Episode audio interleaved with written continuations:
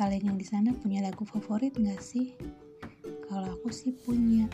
Dan bahkan dari lagu favorit yang aku suka ini, ada momen kejadian yang gak pernah bisa aku lupain.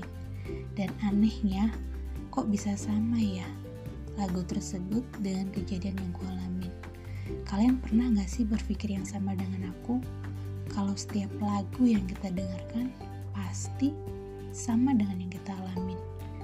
Menurut kalian, itu kebetulan atau memang kejadian yang mereka alamin juga? Nah, itu dia yang jadi tanda tanyanya.